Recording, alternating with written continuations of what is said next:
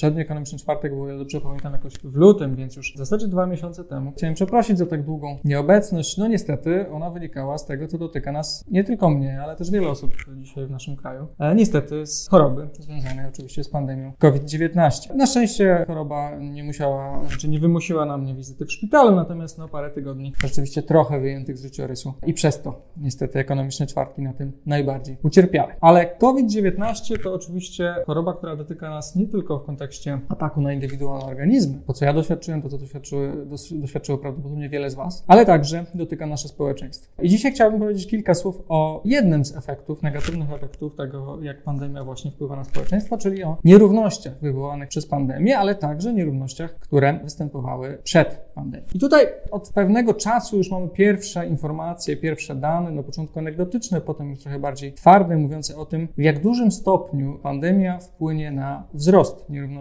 ekonomicznych na świecie, w Polsce także. Słyszeliśmy te przypadki, na przykład we wrześniu bodajże pojawiła się pierwsza informacja, w której policzono, że niektórzy na pandemii zdecydowanie zyskują. I to najbogatszy człowiek świata, Jeff Bezos, gdyby policzono, gdyby wydał tylko to, o ile wzrósł, wzrósł mu majątek między marcem a wrześniem, czyli tak naprawdę przez pół roku, wydał tylko ten wzrost majątku i przekazał go wszystkim swoim 876 tysiącom pracowników Amazona, to każdy z tych pracowników dostałby 105 tysięcy dolarów. Aż o tyle wzbogacił się Jeff Bezos. Oczywiście nie przekazał swoim pracownikom, to jest jasne. Chełpi się tym, że jest po prostu jeszcze bardziej na pierwszym miejscu. Weźmiemy trochę szerzej, spojrzymy i zobaczymy nie tylko samego najbogatszego człowieka, ale także dziesięciu najbogatszych miliarderów, to to, ile zarobili od czasu początku pandemii, starczyłoby na sfinansowanie wszystkich szczepionek dla każdego i każdej osoby żyjącej na Ziemi. To znaczy, gdyby zdecydowali się w ten sposób e, to, co tylko dostali od momentu, kiedy pandemia wybuchła, przeznaczyć na tak zbożny cel, to nie tylko byśmy rozwiązali problem dostępu do szczepionek, ale także w gruncie rzeczy bylibyśmy w stanie zahamować także radykalny wzrost ubóstwa. Co oni robią z tymi pieniędzmi? Oczywiście po pierwsze gromadzą, ale niektórzy także, no wiadomo, nie, nie pozwolą sobie, żeby nie wydać, kiedy ogranicza się ich wolność, kiedy ogranicza się wolność nas wszystkich, na przykład w przemieszczaniu się, kiedy nie można tak łatwo podróżować samolotami, no to najbogatsze osoby oczywiście kupują sobie własne samoloty. W związku z tym notujemy istotny wzrost sprzedaży prywatnych samolotów. I to pokazuje, w jak dużym stopniu e, nasza wolność jest zależna od tego w kapitalizmie, ile mamy pieniędzy, co świetnie też opisywał chociażby niedawno, dwa dni temu, Piotr Ikonowicz, mówiąc, że no, nie mam wolności korzystania na przykład z wolności prasy czy wolności słowa, kiedy nie stać mnie na gazetę. Nie mam wolności przemieszczania się w momencie, kiedy są utrudnienia w korzystaniu z samolotów, jeżeli nie posiadam własnego, prywatnego samolotu. To jedna strona medalu. Ci niesamowicie bogaci ludzie, ale z drugiej strony mamy do czynienia także z tymi, którzy są coraz biedniejsi przez pandemię. To jest pierwszy moment prawdopodobnie w historii badania nierówności w ogóle, kiedy nierówności wzrosną we wszystkich badanych krajach. To jest taki pierwszy moment, w którym będziemy mieli do czynienia z takim zjawiskiem. I teraz wciąż szacuje się, że w ciągu ostatniego roku od 200 do 500 milionów osób popadło w stan ubóstwa. Wcześniej nie żyli w ubóstwie, teraz w wyniku pandemii już żyją. Więc z jednej strony jedni kupują sobie prywatne samoloty i mają pieniądze, które starczyłyby na szczepionki dla wszystkich, z drugiej strony ogromna masa biedy. To się oczywiście odbija na codziennym życiu, na codziennych tragediach. Raport, do którego się będę też odwoływał trochę dzisiaj w, tym, w trakcie tego live'a, to jest raport właśnie o skutkach dla nierówności społecznych, które z, związane są właśnie z pandemią koronawirusa, który został opublikowany przez e, instytucję Oxfam. Czytając ten raport, poza takimi suchymi danymi, które same w sobie są oczywiście szokujące, możemy też natrafić na pewne historie ludzi. Jedną z tych historii chciałbym, chciałbym pokrótce opowiedzieć. Jean-Baptiste, 44-letni pracownik przemysłu drobiarskiego ze stanu Maryland w Stanach Zjednoczonych, no więc jednego z najbogatszych krajów na świecie. Okazało się, że w trakcie pracy zauważył u siebie symptomy, które są bardzo podobne do tego, co jest związane z koronawirusem. Potem się oczywiście okazało, że także złapał koronawirusa. Zgłosił to od razu swojemu przełożonemu, mówiąc, że no, jest zagrożeniem pracując na hali, jest zagrożeniem także dla, nie tylko dla siebie, ale także dla innych pracowników. Co usłyszał? Usłyszał, że ma nikomu o tym nie mówić i wracać do pracy i się nie przejmować i nie tracić czasu na takie informacje. Dopiero kiedy miał powyżej 40 stopni, trafił do lekarza. To było niestety za późno. Po trzech dniach zapadł e, na śpiączkę, stracił przytomność i już jej nigdy nie odzyskał. Zmarł kilka dni później. Co zaproponowała firma, która go zatrudniała? Kiedy okazało się, że sprawa stała się publiczna, była elementem dyskusji w mediach, zdecydowała się wdowie wysłać kartkę i 100 dolarów. To jest ich zdaniem wartość ludzkiego życia. Kartka i 100 dolarów. Z jednej strony, a z drugiej strony miliardy. Miliardy dla Jeffa Bezosa, który mógłby samodzielnie obdarować wszystkich swoich pracowników kwotą 105 tysięcy dolarów. To jest oczywiście szokujące, ale pamiętajmy, że te nierówności nie zrodziły się w pandemii. One są coraz bardziej uwidocznione. My ją bardzo wyraźnie możemy obserwować, jak bardzo są drastyczne i jak też rosną od zeszłego roku. Ale mówiąc zupełnie szczerze, już w samym momencie wybuchu pandemii te nierówności były na skandalicznie wysokim poziomie nierówności globalne. Spójrzmy chociażby na takie dane. Po pierwsze, ponad połowa ludzi na świecie nie była chroniona w momencie wybuchu pandemii już przez żadne systemy zabezpieczenia społecznego. Nie mogła liczyć na żadne zasiłki chorobowe, na żadne zasiłki z pomocy społecznej, na żaden element, który chronił ich przed, przed ubóstwem. 3 miliardy ludzi, 3 miliardy ludzi nie ma dostępu do dobrze funkcjonujących i nie miało też przez, przed pandemią do jakikolwiek tak naprawdę systemu ochrony zdrowia. W momencie, w którym wybucha pandemia, 3 miliardy z nas nie ma gdzie się zgłosić w takiej sytuacji. Muszą sobie radzić w tych kwestiach zdrowotnych sami. Co dziesiąta osoba idzie spać głodna. I to nie tak, że po prostu nie zjadła kolacji, tak jak czasem nam się to oczywiście zdarza, tylko naprawdę stanie głodu, to znaczy, że jej organizm ewidentnie nie dostaje nawet podstawowych mikroelementów, witamin i wszelkich składników, które są potrzebne dla zdrowego życia. A z drugiej strony, dwa lata przed pandemią, co dwa dni dostawaliśmy informację o tym, że mamy oto nowego miliardera. Nowy miliarder rodził się, znaczy rodził się, co po prostu ktoś stawał się na tyle bogaty, żeby do tego grona miliarderów dołączyć co dwa dni. No to jest e, dość szokujące,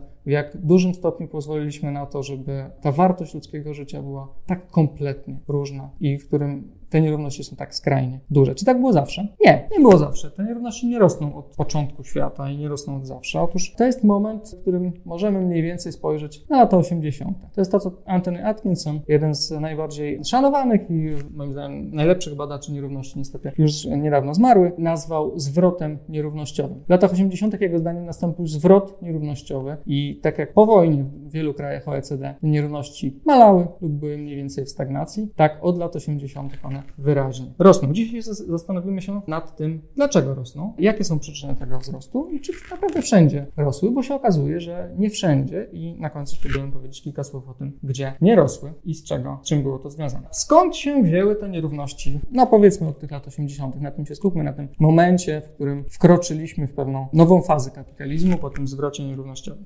Liberałowie często mówią, no tak, nierówności są związane na przykład z kwestią edukacji, tak? I powinniśmy inwestować głównie w edukację, to jest też sposób na rozwiązanie. Im jest ona powszechniejsza, tym możemy rozwiązać sposób, jakby problem nierówności. Z drugiej strony także z tych nierówności związanych z wykształceniem, to znaczy niektórzy po prostu się nauczyli, dlatego zarabiają dużo, a niektórzy nie chcieli się uczyć albo nie mieli dostępu do odpowiednich e, źródeł wiedzy i oświaty i w związku z tym te nierówności się pojawiają. To jest pierwsze takie wyjaśnienie, które jest wyjaśnieniem oczywiście błędnym, to znaczy chociażby Thomas Piketty, znany na pewno wam ekonomista francuski, wykazał, że ta zmienna nie ma specjalnie znaczenia z tej perspektywy, że nierówności od lat 80. w wielu krajach rosły pomiędzy osobami o tym samym wykształceniu, o tym samym doświadczeniu zawodowym, a nawet często o tym samym wieku. Więc to nie te zmienne mogłyby cokolwiek nam wyjaśnić. Co jeszcze dwie zmienne, które pojawiają się bardzo często i one przypisywane są e, jakimś siłą zewnętrzną. Pierwsza z nich to zmiany technologiczne. Mówi się, że no tak, no rozwój technologiczny powoduje, że niektórzy się adaptują i zarabiają znacznie więcej, inni nie adaptują się i niestety wypadają. W związku z tym te nierówności też w sposób naturalny są powiązane z tym, że rozwija się, rozwijamy się technologicznie. To drugi argument, który wydaje się kompletnie niesłuszny. Analiza pokazująca chociażby porównywanie między różnymi krajami, które rozwijały się w sposób technologiczny w takim samym dokładnie stopniu. I co więcej, także wzrost wydajności pracy, który jest powiązany oczywiście z kwestiami technologicznymi, był na podobnym poziomie rozwoju, mają zupełnie różne nierówności. Więc to znowu nie ten element jest tym, co zadecydowało o tym, że w niektórych krajach te nierówności rosły zdecydowanie szybciej, w niektórych niektórych wolniej lub nawet malały. Trzeci element, który też często się pojawia, który jest już troszkę częściowo, częściowo prawdziwy, ale też nie do końca. To globalizacja. To otwarcie rynków na wolny przepływ e, towarów, usług, pieniądza i ludzi. Tutaj oczywiście można powiedzieć, że tak, w pewnej mierze liberalizacja handlu miała bezpośredni wpływ na wzrost nierówności wewnątrz krajów, szczególnie zachodnich, nich. Jej wpływ na to, w jaki sposób e, nierówności pomiędzy krajami się, tymi biedniejszymi i bogatszymi krajami przebiegał, to jest kwestia odrobinę bardziej skomplikowana, więc też nie chciałbym w to wchodzić. Ale trzeba przyznać, że wiele tak samo otwartych gospodarek, chociażby Szwecja i Stany Zjednoczone. Szwecja zawsze była krajem otwartym w sensie gospodarczym, jednak poradziło sobie z nierównościami w zupełnie inny sposób i jednak ten poziom nierówności są na zupełnie różnych poziomach. Także globalizacja coś nam tłumaczy, ale na razie niewiele. E, no i trzeba pamiętać, że tak, nawet gdybyśmy przyjęli, że to jest i technologia i globalizacja, to oba te czynniki oczywiście są zależne od władzy publicznej. I tu odsyłam, jeżeli chodzi o kwestie technologiczne, oczywiście do świetnej książki Marianny Mazzucato Przedsiębiorczego Państwa, która pokazuje, na ile to podmiotem zmiany i innowacji technologicznej jest właśnie polityka państwowa. No a globalizacja oczywiście też jest efektem pewnych konkretnych decyzji politycznych w zakresie umów międzynarodowych chociaż. Przejdźmy już teraz do, do tych elementów, które wydają się być bardziej przekonujące i ważniejsze z perspektywy, z perspektywy tego, dlaczego od lat 80. w większości krajów OECD nierówności społeczne są wyraźnie wyższe. Pierwszym z tych elementów są podatki. Podatki dochodowe zostały spłaszczone. To znaczy, że jeżeli mamy do czynienia z pewną progresywną skalą opodatkowania, osoby więcej zarabiające płacą wyższy, wyższą stawkę podatkową, a osoby mniej zarabiające płacą niższą stawkę podatkową, to te różnice między tymi stawkami systematycznie spadały i były obcinane. Wystarczy powiedzieć, że w Stanach Zjednoczonych czy w Wielkiej Brytanii po wojnie był taki moment, w którym ta najwyższa stawka podatkowa sięgała 95, a nawet 99%. Dzisiaj to jest absolutnie oczywiście nie do wyobrażenia, ale tak, było tak i te kraje się rozwijały całkiem dobrze. Nie było to żadną barierą dla, ani dla pracy, ani dla przedsiębiorczości. No i w międzyczasie zostały one wyraźnie zmniejszone e, do około 30 kilku procent, także w znacznym, znacznym stopniu, co znaczy, że pozwalamy na to systemem podatkowym, żeby osoby najbogatsze zachowywały znacznie większą część swojego dochodu niż zwykliśmy to robić zaraz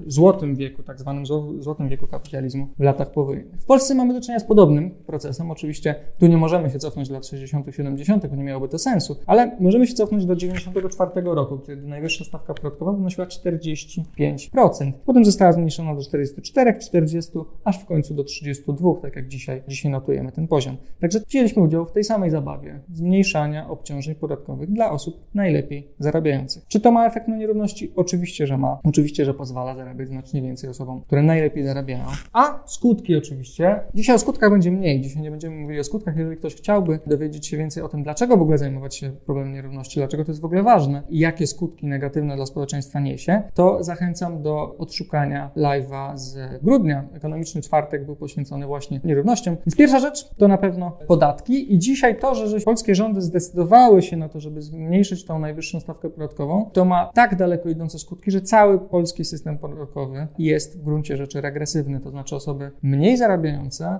tak naprawdę w większym stopniu się dokładają do wspólnego budżetu niż osoby lepiej zarabiające, chociażby dlatego, że tak dużą rolę odgrywa, odgrywają podatki pośrednie, takie jak VAT i akcyza. O podatkach zresztą kolejny także live, także zdaje się, że z grudnia również zachęcam. Tam też trochę więcej o tym mówiliśmy, także tam można sięgnąć, więc już nie będę rozwijał tematu podatków. Przechodzimy do następnych przyczyn wzrostu nierówności. Drugim takim elementem jest, są również podatki, ale nie tylko podatki związane z, z dochodami. To jest koncentracja majątków wynikająca z tego, że zrezygnowano w dużej mierze z istotnych podatków spadkowych, a także z podatku od darowizn oraz podatki majątkowe, szeroko rozumiane, również są niewielkim elementem systemów podatkowych w dzisiejszych krajach rozwiniętych, zbyt, zdecydowanie zbyt niskim. To jest element debaty już nawoływań nawet przedstawicieli do tej pory dość liberalnych instytucji międzynarodowych. Natomiast no, póki co sytuacja jest dość dramatyczna. W Polsce tylko 1% PKB pochodzi z podatków majątkowych. W Wielkiej Brytanii wcześniej na przykład podatek spadkowy to było około kilku procent podatku dochodowego, dzisiaj to już jest tylko 2%, a spadki i majątki w Wielkiej Brytanii istotnie wzrosły. Także niestety także nie ograniczamy majątków osób, które je po prostu w dużej mierze dziedziczą, a niekoniecznie wypracowują. Ale to są dwie przyczyny, jakby spojrzeć na górę rozkładu, to znaczy dlaczego pewne osoby w dużej mierze zarabiają tak dużo. To są, to są te dwa elementy, ale możemy też spojrzeć, dlaczego osoby w dolnej części rozkładu nie zarabiają tyle, ile w porównaniu z tymi bogatymi zarabiały wcześniej. Tutaj warto zwrócić uwagę również na kilka elementów. Po pierwsze, to jest kwestia płacy minimalnej. Płaca minimalna w Stanach Zjednoczonych w Wielkiej Brytanii, tak naprawdę była zamrożona przez lata. W wielu krajach zachodnich płaca minimalna nie była podnoszona wraz ze wzrostem wydajności, tylko była coraz mniej warta. Tak? To znaczy, nawet jeżeli utrzymywała się na tym samym poziomie, no to wraz z wzrostem cen, to co można było kupić za płacę minimalną, to było coraz mniej dóbr i usług. I to jest element, który, który na pewno obniżył możliwości nabywcze biedniejszej części społeczeństwa, tych najbiedniejszych pracowników, którzy płacy minimalnej mają swoją płacę uzależnioną. To jest jedyny przykład, którym dzisiaj chciałbym poruszyć, w którym faktycznie Polska ostatnio robi trochę inaczej, bo trzeba przyznać, że rzeczywiście na rząd Prawa i Sprawiedliwości płacę minimalną w dość zdecydowany sposób y, paru lat y, podnosi i to jest akurat jedna z bardzo niewielu rzeczy, o które można pozytywnie powiedzieć o tym rządzie, bo na pewno nie jego zmiany w zakresie systemu podatkowego, o których powiedziałem wcześniej. Czwarty element to jest również związany z pozycją pracowników, również związany z tym, jak ta dolna część rozkładu, albo nawet czasami e, środkowa część rozkładu sobie radzi w porównaniu z tymi najbogatszymi. No to jest radykalnie niższa siła związków zawodowych. Uzwiązkowienie we wszystkich niemalże krajach OECD istotnie spadło między latami 80. a dniem dzisiejszym. W Wielkiej Brytanii czy w Stanach Zjednoczonych to był spadek w ciągu 10-15 lat, nawet tak naprawdę dwukrotny. W Polsce także, w samym początku, znaczy zaraz po transformacji, mieliśmy do czynienia, były takie badania, 19% osób deklarowało, że jest członkami jakiegoś związku zawodowego. Dziś to jest już tylko około 6% i to jest około 13% e, pracujących. Co znaczy, że związki zawodowe, których celem jest walka o prawa pracownicze, o dbałość o odpowiednio godne wynagrodzenia, niestety są w stanie już w znacznie mniejszym stopniu wpływać na to, jak rynek pracy w Polsce funkcjonuje. To się oczywiście stało nie przypadkiem. To oczywiście częściowo związane z pewną zmianą, ze zmianą gospodarczą, z upadkiem dużych firm, przejściem raczej na sektor usługowy, a nie, a nie na przemysłowy, ale w dużej mierze to są także kwestie związane z pewnymi konkretnymi decyzjami politycznymi. Między 80 80 roku a 93, czyli to jest dokładnie ten czas, gdzie w Wielkiej Brytanii rządziła partia konserwatywna, Margaret Thatcher i John Major, wprowadzono aż 7 ustaw. Każda z nich, każda z kolejna ograniczała prawo do działalności związkowej, prawo do strajku, wszelkich działań, które wykorzystują związki zawodowe do tego, żeby skutecznie bronić praw pracowniczych. Także to była także decyzja polityczna, uderzenie w związki zawodowe, tak jak na początku pokazała to Margaret Thatcher i Ronald Reagan, nie było absolutnie przypadkowe, byłoby elementem pewnej politycznej doktryny. Piąte i przedostatnie źródło rosnących nierówności to wyższe bezrobocie. Dzisiaj oczywiście w Polsce tego do końca nie widzimy, ale też warto zawsze, gdy spoglądamy na dane o bezrobociu, to jest trochę inny temat, ale warto, warto o tym wspomnieć, zawsze spoglądać na to, jaki mamy poziom zatrudnienia, dlatego że często to, że ktoś nie jest bezrobotny, że bezrobocie jest niskie, to wynika z tego, że ktoś się po prostu nie rejestruje jako bezrobotny i nie jest klasyfikowany jako osoba, która pracy nie ma, ale jej poszukuje. Ale to, czy jej poszukuje, zależy często od tego, czy na przykład nie straciła już nadziei, na to, że kiedykolwiek jakąkolwiek sensowną pracę będzie miała. Więc e, zachęcam do tego, żeby nie spoglądać tylko na wskaźniki bezrobocia, ale także na wskaźniki zatrudnienia. Tak czy inaczej, jedne i drugie pogorszyły się w krajach OECD od lat 80. dość istotnie zauważalny sposób. Dlaczego tak się stało? No z jednej strony to oczywiście jest odejście państwa, znowu zgodnie z doktryną, teraz już powiedzmy, to jest doktryna neoliberalna, odejście od pewnej walki o pełne zatrudnienie, od polityki pełnego zatrudnienia, dbałości o to, żeby w gospodarce był wystarczający chociażby popyt do tego, żeby wystarczające inwestycje wciągnęły wszystkie te osoby, które pracować chcą. Ten element, dość oczywisty w polityce gospodarczej w latach 50., 60., także w wielu krajach 70., stał się już e, passé i od pewnego momentu to jest efekt. Znaczy efektem jest e, rosnące bezrobocie efektem są rosnące nierówności. Ma to jeszcze oczywiście związek z e, pewną zmianą sił związaną z tym, jak dzielimy PKB na zyski i płace. Ale o tym z pewnością będę mówił w jednym z przyszłych live'ów, więc tutaj też się nie chcę rozdrabniać. Tak czy inaczej jest to ewidentnie efekt pewnych decyzji politycznych. I ostatni element, kolejny element z podręcznika młodego neoliberała, to znaczy obetnijmy państwo socjalne, zdemontujmy państwo opiekuńcze. To jest ostatni element, który bardzo silnie wpływał na nierówności. Różnego rodzaju świadczenia, czy to ubezpieczeniowe, czy,